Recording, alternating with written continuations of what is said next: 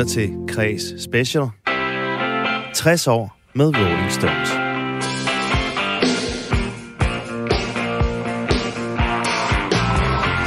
Det her det er andet afsnit i Radio 4-serie om The Rolling Stones, i anledning af, at bandet i år kan fejre sit 60-års jubilæum. Jeg hedder Mikkel Frederik Møller, overfor mig der sidder Erik Jensen, der er min medvært i alle seks afsnit i denne her serie om øh, Rolling Stones. Velkommen tilbage, Erik. Tak for det, Mikkel. I sidste afsnit, der gennemgik vi nogle af højdepunkterne af Rolling Stones karriere i deres første årti som band, 60'erne. Og nu skal vi så ret fokus på Stones i 70'erne. Uh, øh, lige først så vil jeg gerne høre, altså, hvad er dit allerstørste Rolling Stones øh, øjeblik, som du har haft?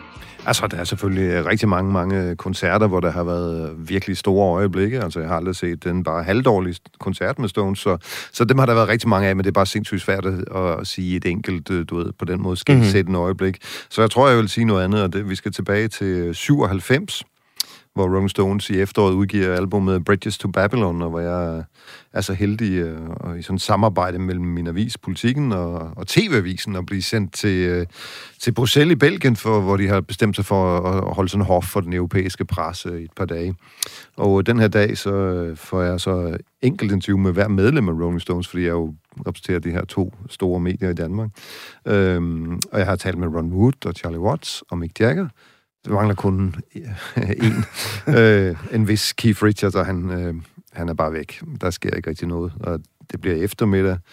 Det begynder at blive aften. Jeg går ud og spiser noget mad sammen med en eller anden kollega fra Holland, tror jeg det var. Jeg kommer tilbage til det hotel, og vi sætter os og siger, okay, vi kunne jo lige drikke en af de gode belgiske øl her i sofaen, og hende der pressedamen siger, I kan lige så godt gå hjem. Altså, der, der, der kommer, ikke mere. Der kommer ikke til at ske Festen er slut. Og så til sidst, så går min øh, hollandske kollega, og jeg tænker, ah, jeg bor faktisk så på det samme hotel, så det er ikke fordi det store offer lige blive hængende lidt længere der i den sofa, hvor jeg sad udmærket. Så pludselig er der en utrolig larm, som om der er nogen, der er ved at falde ned. Den der trappen gik simpelthen lige ned foran min, øh, min sofa der. Og der kommer hiskifne så sejlende ned ad trappen med morgenhår, og klokken er 8 om aftenen eller sådan noget. Og, øh, Where's the press, siger han så. Are you the press? Ja, siger det, det er, jeg har, jeg har den eneste der tilbage. Okay, then let's talk. Og så sætter han sig ned over for mig og bestiller straks en flaske vodka og en flaske tranebærjuice til at skylde det ned med. Og så kommer hende der pressedamen farne og siger, nej, nej, gift, du behøver ikke nu og sådan noget. Jamen, jeg vil gerne. Gå væk. Og så øh, indtræder stjernestunden i mit øh, journalistiske liv. Jeg sidder en team og mere hyggesnakker med Keith Richards, indtil interviewer ham. Kan det blive meget større? Det tror Ej, jeg ikke. det er, altså, det er simpelthen... Jeg er dybt misundelig. Det er jo simpelthen for vildt, det der. Det var fantastisk. Den historie vil jeg gerne høre mere om, når vi skal op i 90'erne. Hvor, fordi du har, mødt, du har mødt dem flere gange, så øhm, der er gode historier på vej. Øhm, nu skal vi så i gang med, øh, med 70'erne, og vi slutter af med lige at, at fortælle om, om slutningen af, af 60'erne. Øhm, Stones' øh, grundlægger og guitarist Brian Jones, han, han dør, bliver fundet død i sin swimmingpool, 27 år gammel. Øh, de har den her forfærdelige koncertoplevelse i øh, San Francisco i december, hvor der er en, der, der bliver begået et mor foran scenen, mens Rolling Stones står og spiller. Men samtidig så er det jo altså utrolig populært, at de har udgivet Beggars Banquet øh, og Let It Bleed, øh, som går nummer et mange steder. Øh, så det er et meget succesfuldt band, selvom der er de her lige i lasten her. Og nu går vi så frem i, i, øh, i 1970'erne, og øh, hvis vi lige sådan skal sætte nogle ord på det årti, er der sådan nogle særlige øh, emner eller, eller overskrifter, som man kan sætte på Rolling Stones i, i 1970'erne? Ja, det synes jeg bestemt. Jeg, altså, jeg vil øh, bruge øh, ordet stilsikkerhed som det primære. Ikke? Altså, det er virkelig et band, som, som nu er så langt ind i sin karriere og kender sig selv og sine virkemidler så godt, så, så de ved virkelig, hvad de laver. Og det kan man også høre på, på pladerne. Vi er jo i en periode her, den gyldne epoke, tror jeg, du kaldte det i sidste afsnit, ja. og, altså hvor de ligesom virkelig øh, får sat skabet og vist, øh, inden for det der rock roll, der er der vist ikke mange, der kan, der kan følge med os. Så det er selvsikkerhed og stilsikkerhed. Mm-hmm. Så lad os gå mere kronologisk øh, til værks øh, og begynde med 1970. Øh, det er et år, hvor Stones de, de er gang i den, og de danner deres eget pladeselskab, Rolling Stones Records. Og øh, året efter, har vi så lige fundet ud af. Jeg tror faktisk, det var 1970, men det er 71, der udgiver de deres øh, mest succesfulde album øh, indtil til nu. Øh, Sticky Fingers, som går nummer et i USA og England og store dele af verden. Og det er jo sådan et, øh, et af de helt store albums i, i Rolling Stones' øh, bagkatalog. Øh, hvad er det for et album? Sticky Fingers? Jamen, det er måske deres bedste album, efter min mening. Jeg ved godt, der er mange, der siger Exile on Mainstream. Det næste udspil, de kom med, men jeg, for mig er den her plade altså fuldstændig guddommelig. Den, øh, den stinker af, af kvalitet hele vejen igennem, fra omslaget Andy Warhol-omslaget øh, med den her lynlås. Jeg skal lige sige, du sidder faktisk med det originale ja, ja, album. Jeg kan, jeg kan faktisk trække hvad er det med det cover der? Kan du lige fortælle, øh, hvad jeg det er? Jeg kan trække lynløsen op og ned her på de, de cowboybukser, som er jeans, som er uden på, på coveret her. Designet af Andy Warhol, den store amerikanske designer, som jo også øh, var manden bag øh, Velvet Underground. Øh, så det, det, det er et fantastisk cover. Altså, det, det, er jo, øh, det, det går jo ind til, øh, til kernen i Rolling Stones. Vi snakkede før om, at man, hvad man kunne sige om 70'erne, øh, og man kunne jo også sige sex and drugs and rock and roll øh, med meget tryk på sex, måske. Mm-hmm mm-hmm. i hvert fald på, på det her cover, som, som jo er... Øh, der er i hvert fald noget af en bule ja, i bukserne. Ja, som signaliserer, hvad man, hvad man kunne være så heldig at opleve, hvis man, ups, nu taber det så. Hvis man øh, hang ud med de der Rolling Stones, og fik lov at hive i lynlåsen. Ja, helt klart. Øhm, Altså, Men når nu... det er sagt, så vil jeg da skynde mig at sige, som sagt, ja, for mig er det, øh, det er nok deres bedste plade for mig. Altså, jeg synes, det, alt lykkes for dem her, uden at det på nogen som helst måde lyder for hverken pænt eller planlagt eller sådan noget. Øh, der er fantastiske sange på den plade, der er fantastisk spil, og øh, de profiterer i den grad af at have fået øh, guitaristen Mick Taylor med, som, øh, som vi også øh, snakkede om sidst, øh, i stedet for... Øh, Brian Jones, der jo blev fyret og døde kort efter. Øh, det, det er virkelig noget, øh, den her plade øh, nyder godt af. Han er så pissegod, den unge mand der. Mm-hmm. Og hvad er de store numre på, øh, på albumet? Jamen, den starter jo med Brown Sugar, som, er, som selvfølgelig er en af deres allerstørste klassikere indtil nu, hvor de så i politisk korrekthedens tegn har droppet den i hvert fald sidste år på deres uh, amerikanske turné, røg den ud, men, og så er der nogle af... Hvor, to... Hvorfor røg den ud? Det er jo... Hvad, hvad handler den der om? ja, den handler, den handler, det er jo egentlig en sang om, siger de i hvert fald selv, om, om slave, slavebranchen i dengang den fandtes, uh, hvor den handler jo om, at de her sorte mennesker, som på sådan en... Uh, ups, undskyld, på sådan et, et slavebåd bliver mishandlet og pisket og så videre, men der er jo mange, der har ment, at der også at det i virkeligheden er mere sådan en SM-agtig sang, altså øh, at der var nogle øh, sorte kvinder, som skulle øh, have nogle pisk, simpelthen i sådan en seksuel øh, sammenhæng. Mm-hmm. Øhm, men øh, den, har, den har på en måde altid været kontroversiel, men nu efter øh, Black Lives Matter og alt det, der skete øh, i verden i de sidste to år med det øh, i USA især, så, så, så valgte de i hvert fald ikke at spille den. Jeg skal ikke øh, kunne sige hvorfor, men forklaringen for dem selv var jo, at øh, at, øh, at den ryger lidt ud, ind og ud af, af sætlisten. Nu røg den så ud, og jeg tvivler faktisk på, at den kommer igen. Ja, okay. Det, det må vi se her om, øh, på deres Europa-turné til, til sommer, hvad der sker der.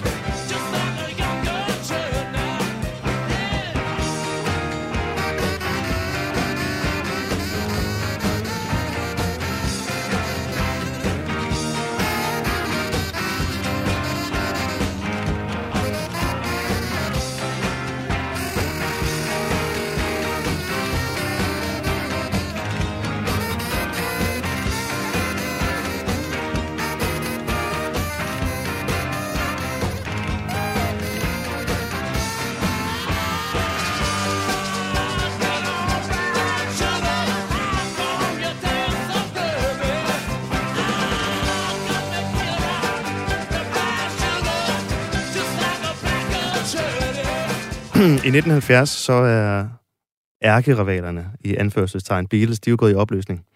Øh, og hvad betyder det egentlig for Rolling Stones? Altså nu har de jo ikke rigtig sådan nogen at battle med sådan på samme niveau øh, inden for rockband-genren.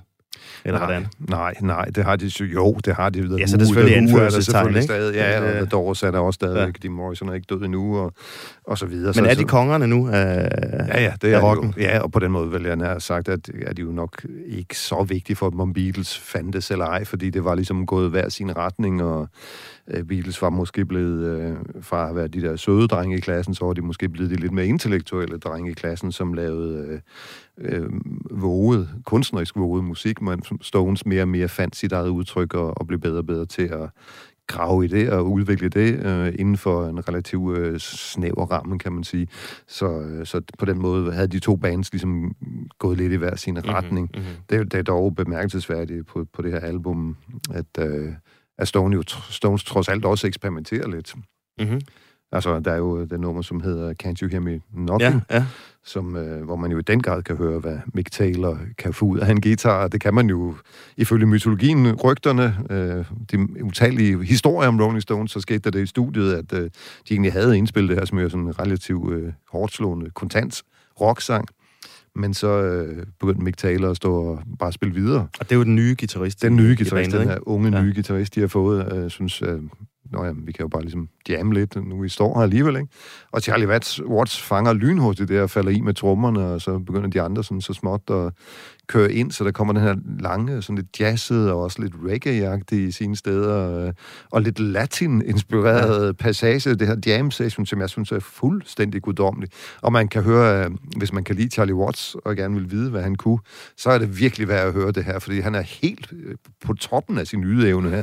Det er så tydeligt, at han nyder. Endelig skal jeg ikke bare slå de her kedelige rockslag nu. Kan jeg få lov at improvisere og spille noget mere jazzet sammen med ham der Mick Taylor, som han uden sammen, øh, uden noget mindste tvivl, virkelig nød at spille med.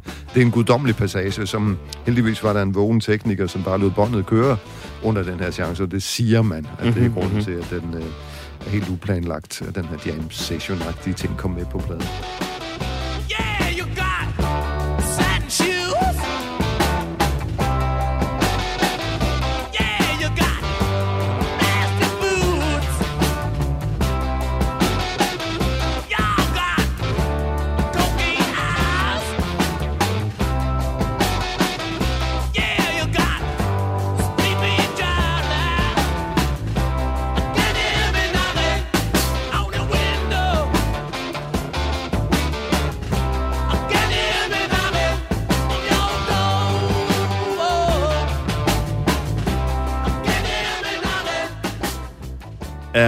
Lad os lige komme ind på, øh, på Rolling Stones berømte logo, fordi det ser jo dagens lys i 1970, det kan vi jo se her, eller 71. Øh, det er jo denne her tunge her, øh, og det synes jeg er ret, altså, det er ret sjovt, fordi at øh, der er mange nye, unge generationer, som måske ikke ved sådan helt, hvad Rolling Stones er.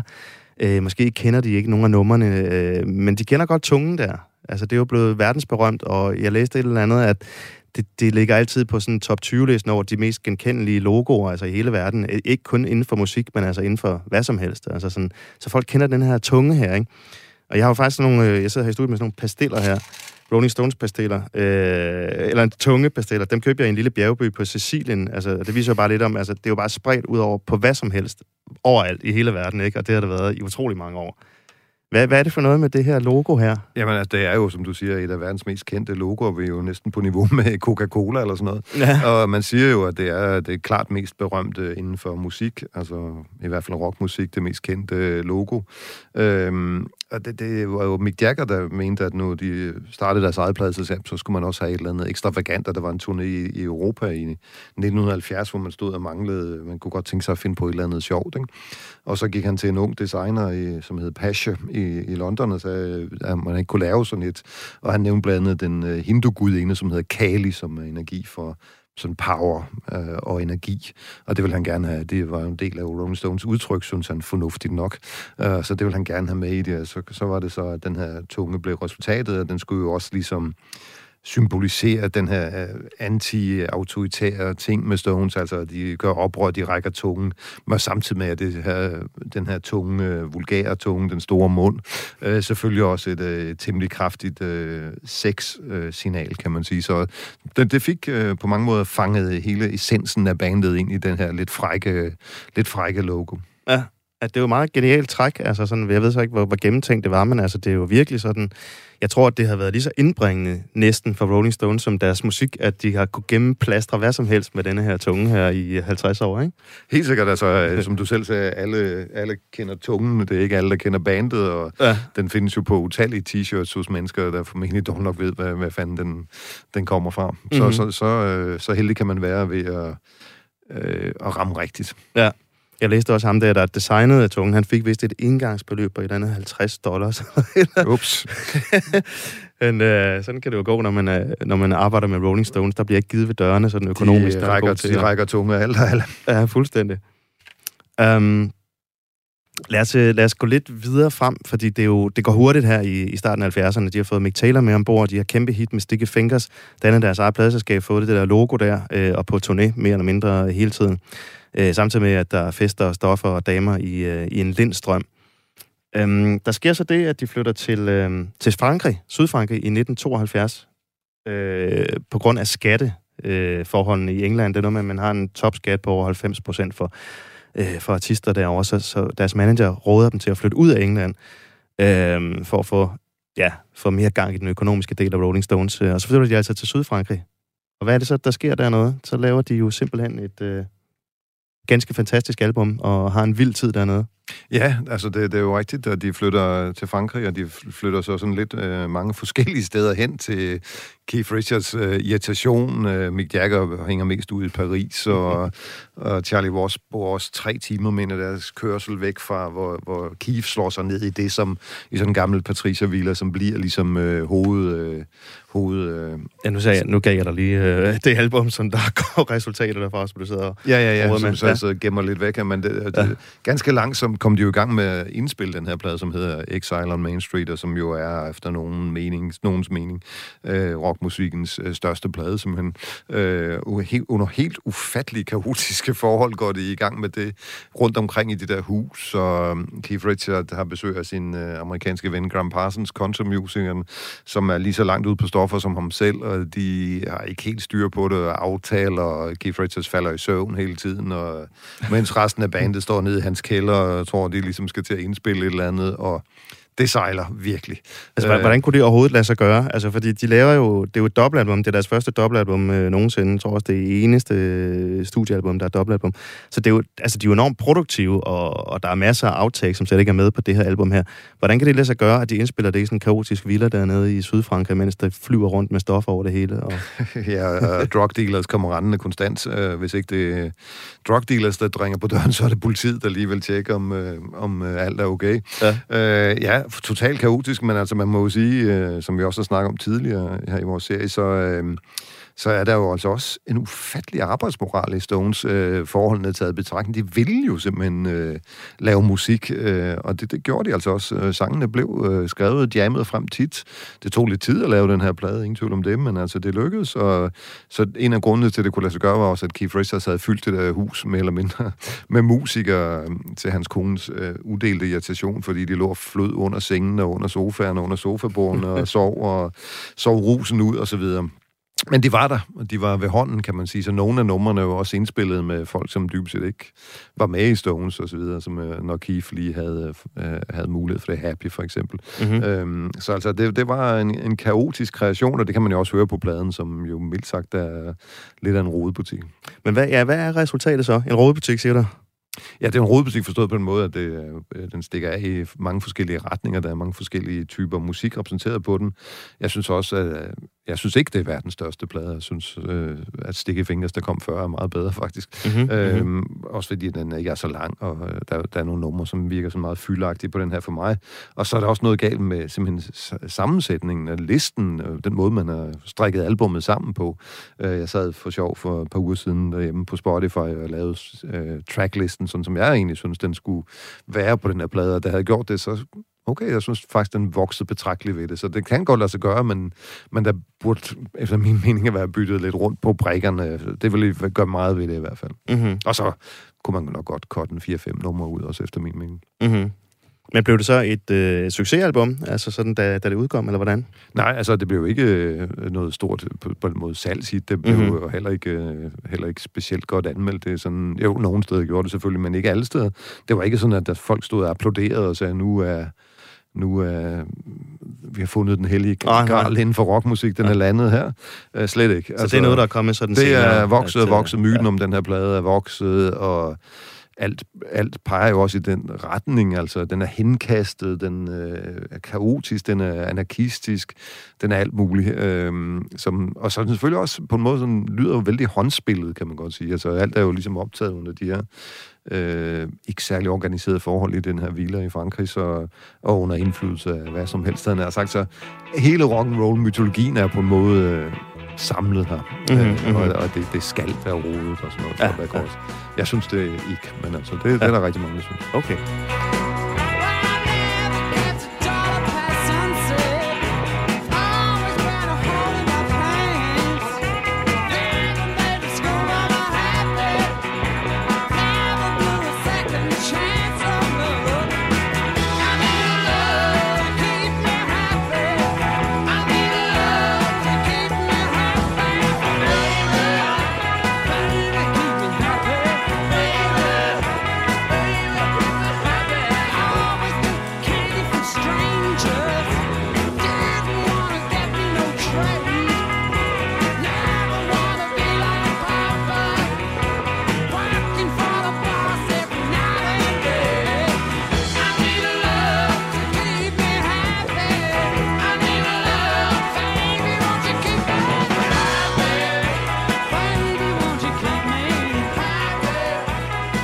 Albumet det blev jo selvfølgelig fuldt op med en, øh, en stor turné, øh, som altid med Rolling Stones.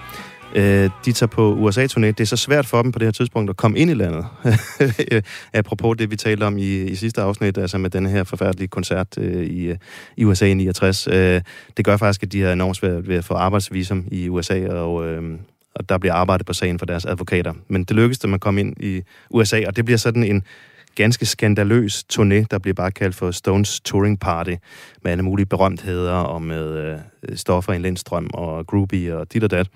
Der blev også lavet en film omkring denne her turné her, øh, som hedder Cocksucker Blues. Har du set den, Erik? ja, det har jeg. Det du griner? Ja, den, den, den er jo sjov. Det, ja. det er jo et, et grotesk øh, dokumentation af det her, øh, af den her mærkelige, mærkelige, mærkelige turné. Øh, og den, den er sjov at se. Den ligger faktisk på YouTube. Alle kan, kan ja. se den ganske ja. gratis, øh, selvom den jo blev forbudt dengang. Øh, eller i hvert fald ikke ud, udgivet. Altså, udsendt. jeg har lige sådan et, øh, vi kan lige, mens vi sidder og taler om det, fordi du siger, at den ligger på YouTube. Det gør den faktisk, og den har jo også været enormt svær at finde. Ja, altså, ja, ja. Nu, nu ligger den herude.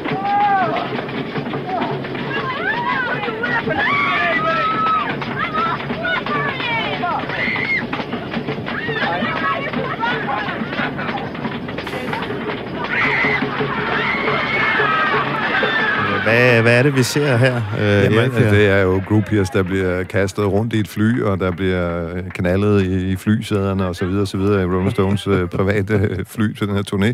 Vi er jo i øh, den pornoens skyldne er også, skal man ikke glemme, når man sender film. Jeg mener faktisk også, det var i 72 af store pornofilmen Langt ned i halsen øh, fik premiere i USA. Ja. Så altså, der var øh, en noget frigjort holdning til sex, og så er jo lavet på den måde, at alle medlemmerne i Stones og hele deres entourage fik mere eller mindre stukket et kamera i hånden, og så kunne de bare optage, hvad de ligesom syntes. Så derfor var der carte blanche til at optage de her seks orgier, og der er en nøgen groupie, der ligger i en seng på et hospital, skulle jeg lige sige, et hotel, ja. et eller andet sted, og, og, tager, og stikker sig med en heroinsprøjte, og så videre, og så videre, og så videre. Der er totalt kaos.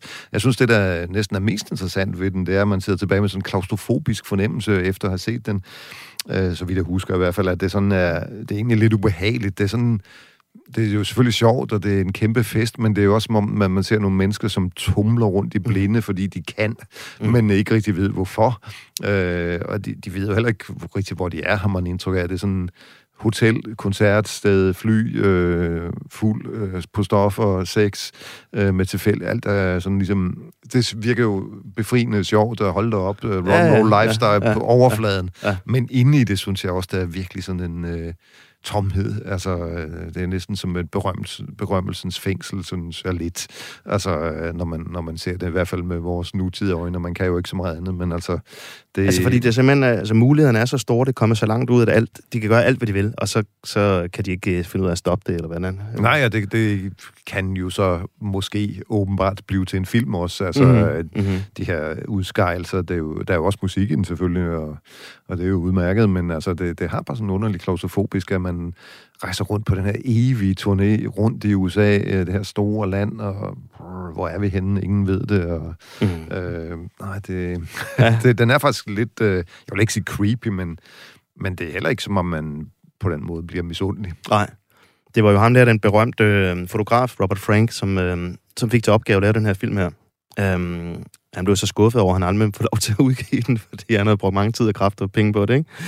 Uh, og så er der en sjov sidehistorie, at han så fik lov til at vise den, uh, mener en gang om året, hvis han selv var til stede. Hvis han selv var til stede, På udvalgte altså. filmfestivaler ja. rundt omkring, ikke? Det var kun uh, trygt, hvis han selv var til stede, umiddelbart. Ja. Man skal jo heller ikke glemme af, af forhistorien til det, og titlen Cocksucker Blues er jo en sang, som Mick, Mick uh, og Mika Keef skrev øh, i protest mod deres gamle pladselskab Decca for, og nu hvis I får den her, så er vi ude af den her aftale, tag den. Okay, øh, så det var endnu sådan. Som om de simpelthen øh, nogensinde ville udgive en sang, der hed Cocksucker Blues. Det ville de trods alt ikke, så, så det var farvel og tak til Stones med den sang, som jo også er med i filmen i øvrigt. Helt klart. Øhm, altså, den her film her, og, og Extra Main Street, altså, det er vel nærmest sådan inkarnationen af, af det her øh, myteomspændte begreb øh, sex, drugs and rock and roll. Altså, det er jo selvfølgelig, det er jo selvfølgelig på overfladen, øh, ja, nemt. Det er sex, stoffer, rock og roll, men hvad dækker det egentlig over, altså det her begreb her? Fordi det er jo sådan et, som, som stadigvæk bliver taget frem, hvis man snakker om rocken. Hvad, hvad, hvad var det for noget? Hvad er det for noget? Så nævner man det, ikke? Jo, det, det, det er jo rigtigt, og det, det er jo selvfølgelig øh, den her superstjerne-drøm, at du er højt hævet over alt øh, småborgerlig moral. Keith Richards sagde jo faktisk i retten i London helt tilbage i 67, da de var blevet anholdt for de her stoffer, ham og Mick Jagger. Øh, og så sagde han jo til dommeren, vi er ikke gamle mænd, så derfor lever vi ikke efter en småborgerlig moral. Og det skal jeg da lige lov for, vi får, vi får at se her. Øh, altså, Altså, det er det, det, som du og jeg ikke kan, og som, øh, jeg har sagt, manden, skråstrej kvinden på gaden, ikke kan. Altså, kaste sig ud i vilde år, vælte rundt i stoffer, og bo på fede hoteller, og flyve rundt i Kaste tv ud af vinduet, ja, som man også ser. alle de her ting. Ja, ja, ja. Du ved. Hele rockmytologien. Altså, det udtryk, som har overlevet Øh, det er rock and roll, som vi jo stadigvæk siger, når et eller andet er sådan lidt vildt, ikke? Øh, det der var fandme rock and roll. Øh, og det, det, det var rigtigt, som du siger, det har ligesom affødt det der udtryk med sex and drugs and rock and roll, som så også blev en sang med Ian Dury and the Blockheads lidt senere i 70'erne. Og, og, og selvfølgelig i dag er blevet øh, myte. Altså i dag, altså, jeg kan huske, at jeg snakkede med Mick Jagger faktisk om de her ting en gang i Toronto, Canada, med et, i et interview, hvor han sagde, at de eneste, der lever den der livsstil nu, det er jo jeres journalister journalister. Der er jo ikke nogen af os uh, rockmusikere, der gør det mere. Det, det kan vi simpelthen ikke. Det er, det, det er umuligt.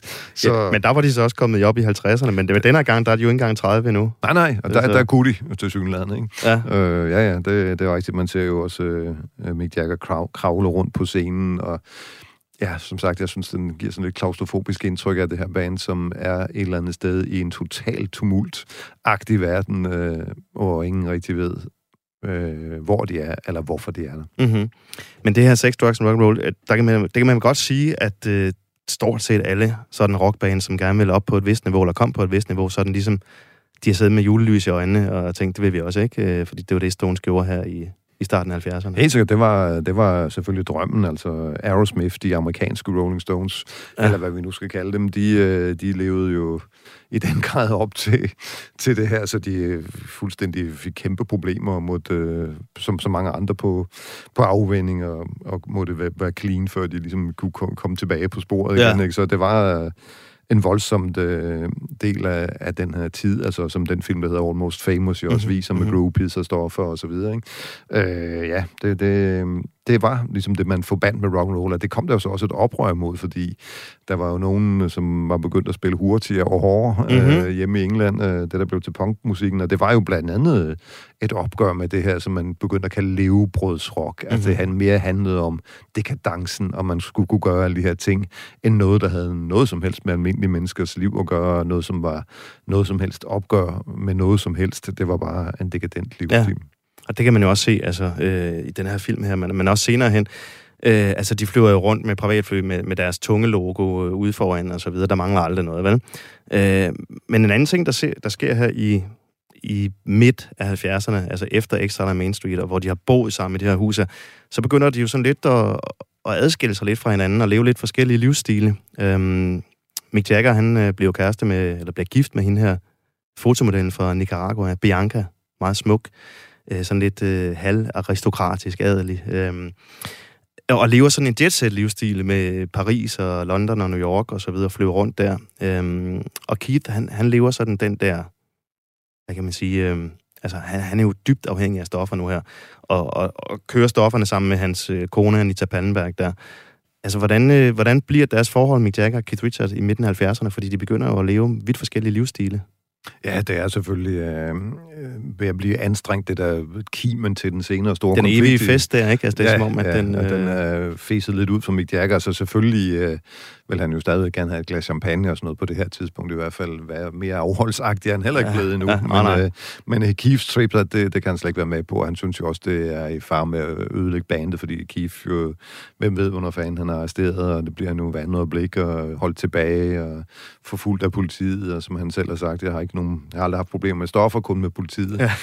øh, og det havde han jo virkelig. Det var jo hele tiden alle steder, hvor han viser sig, så lå man jo nærmest på lur, ikke? Altså, han har selv fortalt, at når han kom hjem til det der landsted, han havde uden for London, så stod der altså altid tre-fire politimænd, og lige skulle tjekke det hele igen, og sagde, hej Keith, og det blev han irriteret over, for det blev lidt for familiært simpelthen, ikke? Oh. Øh, så han var, han var presset, og det, øh, Jagger synes ikke, det var sjovt, og han synes heller ikke, det var at det var godt for bandet, og Keith prøvede jo også at afvende sig selv forud for hver eneste turné, så man det mindste kunne slippe for mm-hmm. alt for meget besvær, da man, som han selv har sagt, i blandt i sin bog Life, som du talte om mm-hmm. tidligere. Mhm. Så, øh, ja, så kom der jo altid nogen, der tilbød ham et eller andet, og så faldt han i igen, ikke? Ja. Altså, i 75, så, øh, så ryger Mick Taylor ud, efter øh, kun øh, 5-6 års tro tjeneste. Han startede ud med at være 19-20-årig, sådan en ung, øh, uspoleret kid, øh, men han ender altså også i heroinen, øh, og øh, han, han har selv sagt senere, at han, han blev nødt til at stoppe og øh, gå ud af Stones for sådan ligesom at overleve, for ikke at, han var bange, simpelthen bange for at, at dø af stoffer, ikke? Fordi øh, en ting er, at Keith han kunne holde til det, men der var jo masser af andre, som prøvede at leve op til Keith, øh, som, som bare faldt i svinget, ikke? Du nævnte Graham Parsons, øh, han, han døde, ikke? Og det var bare en af dem, ikke? Øhm, men hvad gjorde det her, altså for dynamikken i bandet? Nu, men, nu øh, havde vi Keith Richards og Mick Jagger, men altså, så kommer Ronnie Wood med, og han er jo sådan en spredebass og en festabe. Uh, han var med i The Faces sammen med Rod Stewart, og han bliver altså fast medlem af, Rolling Stones. Så ham og Keith, de er jo sådan nogle værre. Uh, de kommer jo til at hænge meget ud sammen og komme på stoffer, ikke? Og så er der Charlie Watts og Mick Jagger, som lever sådan lidt mere sobre liv, livsstile. Og Bill Wyman, han holder sig helt for stofferen. Han, øh, han er også en del ældre end, end de andre. Ikke? Men det er som om, der er nogle grupperinger i, i bandet her i midten af 70'erne. Ja, det, det, det er det jo helt tydeligt. Det, det er jo på en måde også forståeligt, fordi man har så meget med hinanden at gøre, så tæt på hinanden i, i skabelsen af musikken, og selvfølgelig i afleveringen af den ved koncerterne. Øh, så selvfølgelig bliver man også træt af hinanden. Det, det, det er jo ikke rigtig noget at sige til. Men, men så kommer det andet, som du nævner oveni, at... Øh, Øh, Keith og Ronnie, de to guitarister, synes, at der skal også være en fest, når man nu er på turné. Keith Richards har jo gjort det til sådan en mærkelig vane, han ikke vil sove i flere døgn i træk, fordi det tror han vil øh, trække en eller anden kreativitet. Så han kører løs med stoffer, som kan holde ham vågen i øh, helt op til ni dage, mener jeg, det længste, han har præsteret. Ikke? Og Ronnie Wood er på nogle stoffer, som selv Keith Richards synes er lidt farlige, og, og bliver faktisk sur på ham og får stoppet det, siger han i hvert fald selv. Øh, og så videre. Så nej, det, det kørte skævt, og Charlie Watts var jo rasende på, det blev ringet op midt om natten natten og vækket af Keith Richards og Morning Wood, der stod nede i lobbyen og ville feste med ham, og alt sådan noget. Det var, det var en forfærdelig roderi og øh, en livsstil, som jo som hver kunne se. Okay, det er fint nok, men det går ikke i længden. Altså, øh, øh, hvad hedder det? Mick Jagger har jo sagt, at Keith Richards øh, strofmisbrug var lidt betinget af mytologien. Han kunne simpelthen mm. ikke skille mytologien for sig selv længere, så han troede jo nærmest, at for at være Keith Richards, så var han nødt til at være vind og skæv hele tiden. Det kan godt være, det er rigtigt. Ja, han blev også kaldt for det levende laboratorium ikke? I, i 70'erne, og lå altid på listerne over den næste død øh, rockstjerne, der skulle dø, jo. Men altså, hvor, altså, hvor, altså, hvor langt ude var det, tror du? Altså, fordi det, man er sådan lidt i tvivl om, var han egentlig hardcore for real heroin junkie, eller var det en del af hans image? Jeg tror, han var det. Altså, hvis man skal tage den bog, øh, Life, øh, eller Livet, som nu hedder på dansk, som han selv har skrevet, trods alt, øh, for alvor, så må man jo sige, at han fortæller ganske ærligt og indgående om det. Det var jo også, når han bare var hjemme sammen med Anita, hans kone, og selvom de havde børn og sådan noget, så kunne de altså ikke øh, styre det. De, øh, de var voldsomt... Øh, syge efter de her stoffer. Det var ligesom blevet virkelig en del af deres, øh, deres samliv. Altså, de, de, de kørte hinanden ud, og da Keith Fraser så endelig langt om længe fik stoppet det her, så indså han jo også, at var nødt til at blive skilt for Anita for at holde fast i at komme ud af det. Så, så det var et uheldigt... Øh, par på den måde, kan man sige. Der er jo mm. sang med danske love shop, som hedder Coke Lovebirds, og det okay. var det jo faktisk på en måde, altså sådan et, et parforhold, hvor man holder hinanden fast i misbruget, og jeg tror, det var ganske alvorligt, ja. Ja, men altså her i 70'erne, der var jo også et andet, altså mm, man havde måske et andet forhold til stoffer, ikke? Altså var det, det var mere acceptabelt i hvert fald. Men var det sådan cool også? Altså sådan, øh, var man sådan, skulle man være hvis man var rockstjerne cool, skulle man så også være på hårde stoffer, eller hvordan? Ikke mere. Altså ikke mere. 60'erne var slut, og det, øh, man kan jo sige, at det der skete, da 70'erne kom til, det blev sådan, øh, i lige starten af 70'erne, kan man sige, der kom tømmermændene fra de her 60'ere jo, ikke? Altså væltende ind over, over rockscenen. At de folk, som havde festet for hårdt, havde problemer. De var blevet afhængige, og det var jo ikke sjovt. Det er ikke sjovt at være afhængig mm. øh, af hårde stoffer eller alkohol, for den sags skyld.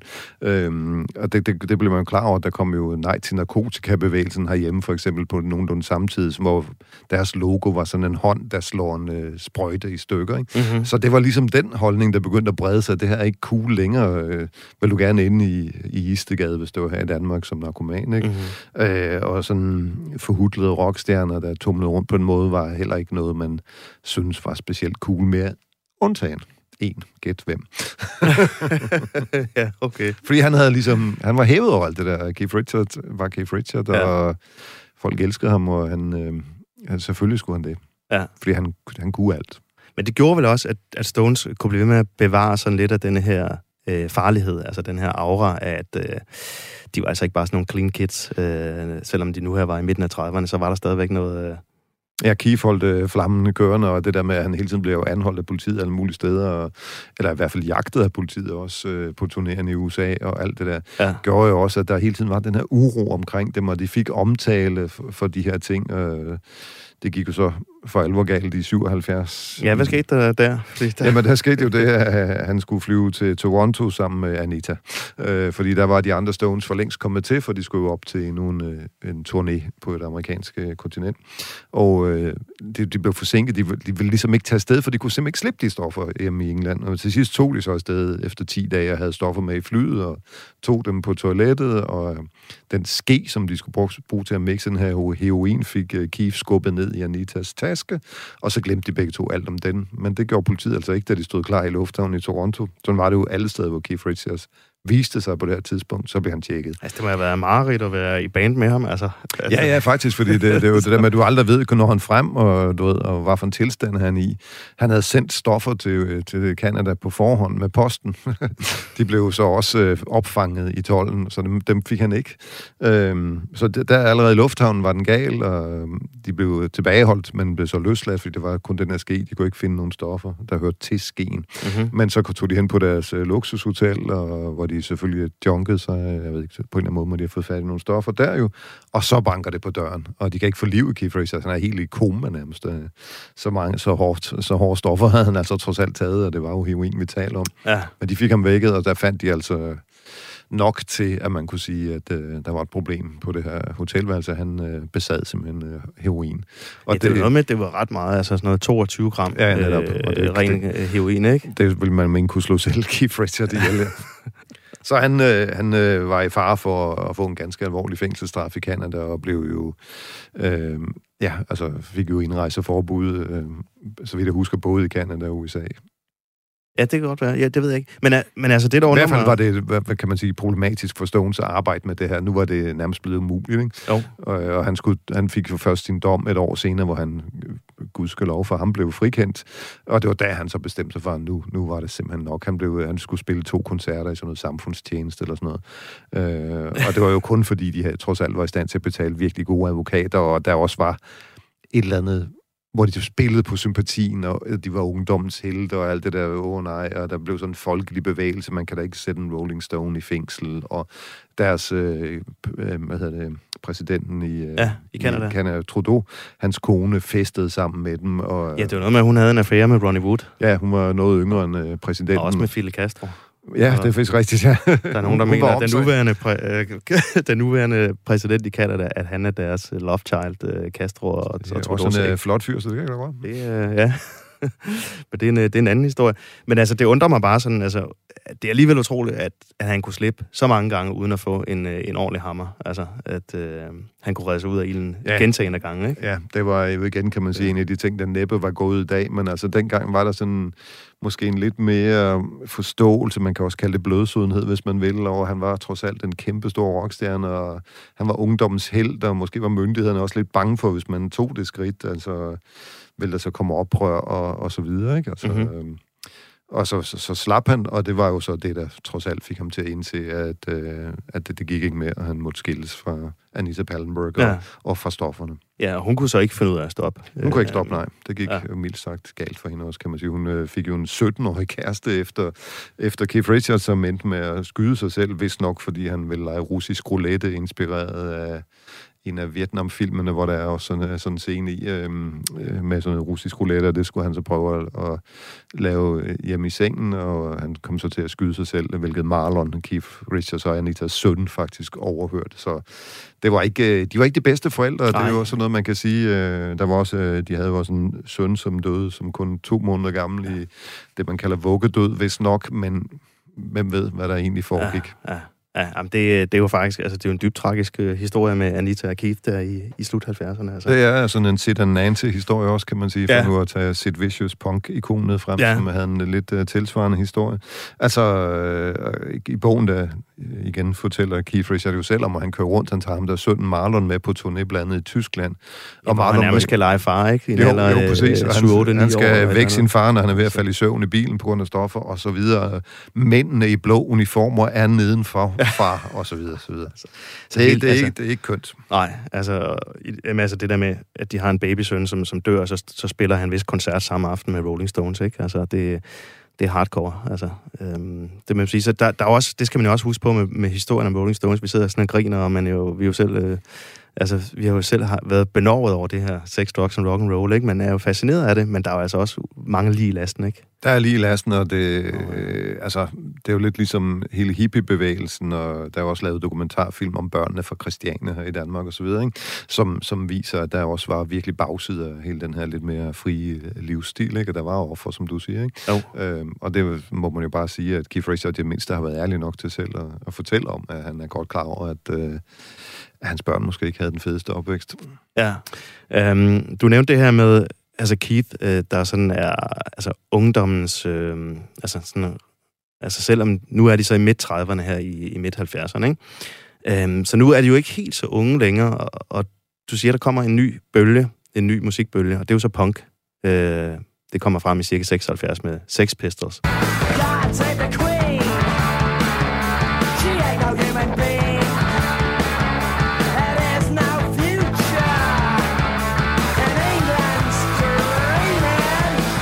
Og så begynder Stones jo altså sådan lidt at, at ryge lidt i, i baggrunden, og der er en ny generation, som gerne vil tage over. Øhm, hvor Stones måske sådan bliver set netop som sådan nogle gamle rockdinosaurer.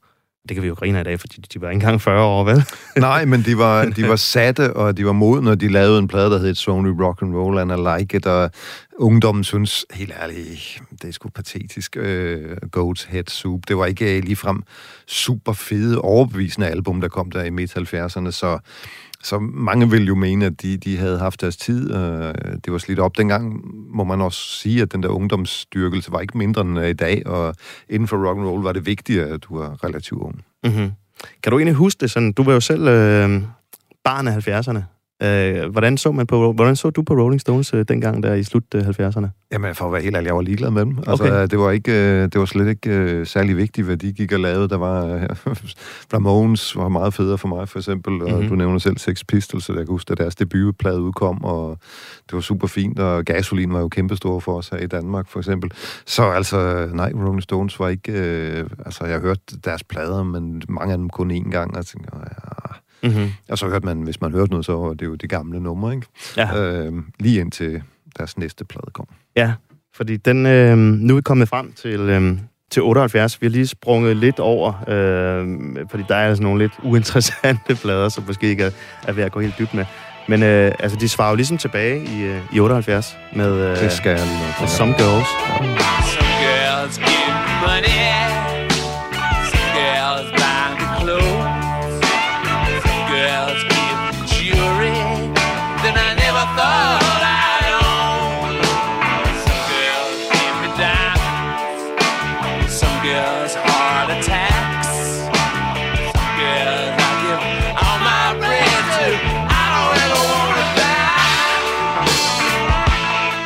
Hvad er historien om, om det album? Jamen, og, det, det er jo tæt på et mesterværk. Giver jeg lige her i hånden her. Ja, tak. Og det, det er jo en stor fornøjelse at have holdt din fars gamle plade i hånden her. Og det er som min egen, den her. Men oh, øh, no, dog. Okay. Ja, ja, ja. Pral, pral. Nej, men altså, på det her tidspunkt øh, var Keith jo så ved at øh, være clean, og øh, Mick Jagger havde faktisk hjulpet ham. Øh, man må sige, at Mick Jagger var faktisk en kammerat over for Keith Richards i den her periode, hvor, hvor han blev øh, holdt tilbage der i Canada og havde de problemer og forsøgt virkelig at hjælpe ham øh, på fod igen. Og det har Keith Richards trods alt også, til trods for, det ikke er altid lige venskabelige forhold mellem de to, oh. erkendt, at Mick Jagger faktisk spillede en stor hjælpende rolle i det der. Ikke? Øh, og Mick Jagger synes så, at nu var det fandme på tide at få den her skude på ret køl. Hvis den skulle noget, så skulle de også lave noget vigtig musik igen og de skulle være clean, og de skulle lave et stærkt album, som øh, også øh, kunne lidt øh, svare igen på, på, punk, på punkens udfordring til de og her... Disco også.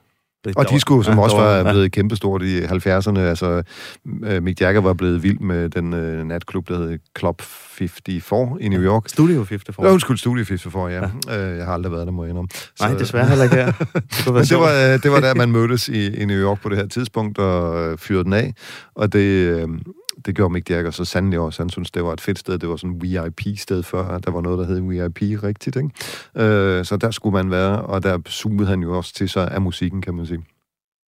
Ja, altså, fordi en ting var punken, og, og, så, og så discoen, ikke? Altså, det var jo også nogle modpoler dengang, ikke? Altså, øh, det, det rå, øh, øh, som punken stod for, og så det her mere sådan mondæne, øh, som, som discoen var, ikke? Altså, øh, men hvad, hvad gjorde de så med det album her, altså for ligesom at smide det sammen, samtidig med, at de, de beholdt deres egen stil? Jamen altså, det gjorde jo, at de, øh, at de, de fik ny energi, simpelthen. Det var som om, at det betød noget for dem igen. Altså, de ville, øh, de ville fandens gerne øh, overbevise på den her plade, Some Girls, og, altså, hvor nummeret Some Girls jo var en af de rigtig gode nummer på den, og Miss You, det første nummer på den.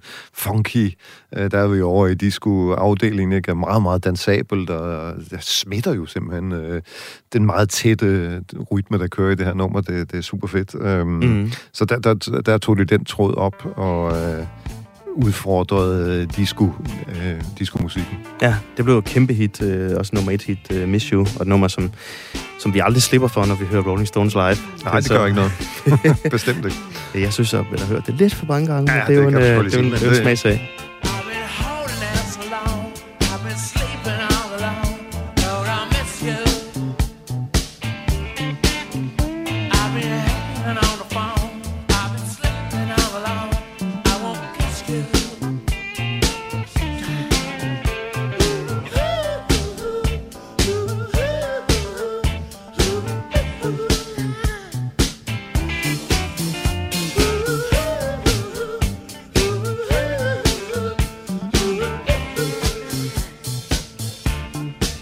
Men i hvert fald så blev Some Girls øh, den største succes på, på albumfronten nogensinde for, øh, for Rolling Stones. Øh, nummer et øh, overalt, og det er også det bedst sælgende studiealbum, de, øh, de har haft. Så det, øh, hvad kan man sige, sådan historien gentager sig sådan lidt i forhold til 60'erne. Altså, øh, dog ikke med dødsfald. Øh, faktisk glædeligt nok, så kommer Keith Richards jo ud af sit overlange heroin-misbrug. Øhm, og det kan man også høre på den her plade, vil jeg sige, for den, har jo, en, den har jo en energi og en friskhed, altså, nu sidder jeg her og kigger på, på bryggen af den, og Shattered, ja. og ja. my, my Imagination, Respectable, Far Away Eyes. Den er jo spækket med gode sange, When the Whip Comes Down, hvor vi er tilbage i det der lidt seksuelle Mick Jagger, SM-agtige univers. Ja. Øh, der bliver de, de, jeg synes, de har fundet sig selv, og også fundet tiden igen. Altså, det er en plade til tiden, der er slutningen af 70'erne, øhm, hvor Bee Gees jo også var et kæmpe navn inden for, for, for den her disco, som Kiss, for eksempel, den amerikanske heavy rock gruppe, crossede også over, kan man vel sige, ja. fra rock til disco og sådan noget. Det gjorde Stones altså også, og jeg synes, de gjorde det med virkelig god stil og virkelig god nummer. Mm-hmm. Det er, vi er ved at være til en vejs inde her med, med Stones i, øh, i 70'erne her. um, hvis vi lige skal summere op, øh, hvor, hvor står Rolling Stones henne? Altså nu er de i slutningen af 30'erne, de har eksisteret i næsten to årtier. Hvad, hvad er det for et band, øh, som øh, går ind i 1980 nu her? Altså, det er et band, som er blevet relevant igen med den her plade, og de vedholdende turnerer til trods for alle problemerne. Øh, de er der. De, de tager ud til deres fans. De spiller for dem. Øh, så de er relevante, men de er måske på vej til at blive mere en del af underholdningsmaskinen, end de er en del af den her rebelske øh, rock-ting, som de startede med i deres pure ungdom. Mm. Og det skal vi tale øh, videre om, når vi skal frem til, til 1980'erne. Fordi i 1980'erne, der, øh, der er der jo en, en lurende midtlivskrise på vej. Endda noget, som bliver kaldt den tredje verdenskrig. ja, det kan man sige. Der, der, er, der er mørke skyer på himlen forud. Ja, men det starter succesfuldt, skal vi lige huske på. Øh, det er rigtigt, men man må dog sige, at også i slutningen af 70'erne var der som sagt øh, ved at være brudflader i, i bandet. Der var, øh, som du var inde på, klikker i bandet, og øh, en vis irritation mellem øh, Mick Jagger og Keith Richards over, hvordan tingene skulle være. Og der skete jo det, da Keith Richards blev clean, at han så gerne ville ind og øh, indtage en mere styrende rolle i bandet igen. Og, øh, fordi han ligesom følte, at han havde overladt alt for meget til Mick Jagger, og også øh, alt for meget slid, slid og slæb med kedelige økonomiske ting, og og hele den finansielle del af festen. Så det ville han gerne ind og tage styring om igen, øh, og det var Mick Jagger bestemt ikke interesseret i. Så der, der lå også øh, kimen til konflikten, kan man sige, at hvem, hvem var det en, der skulle bestemme i det her foretagende. Det skal vi tale mere om i, i næste afsnit, og der vil jeg også gerne høre om din første koncertoplevelse med Stones, fordi det er jo altså også i starten af 80'erne. Det, det, ja, så lang tid måtte jeg vente. Ja. Det tog en gevaldig koncertpause for Danmark. Jo. Ja. Tak for uh, snakken om 70'erne, Erik. I lige måde, Mikkel. Vi høres ved i 80'erne. We sure do.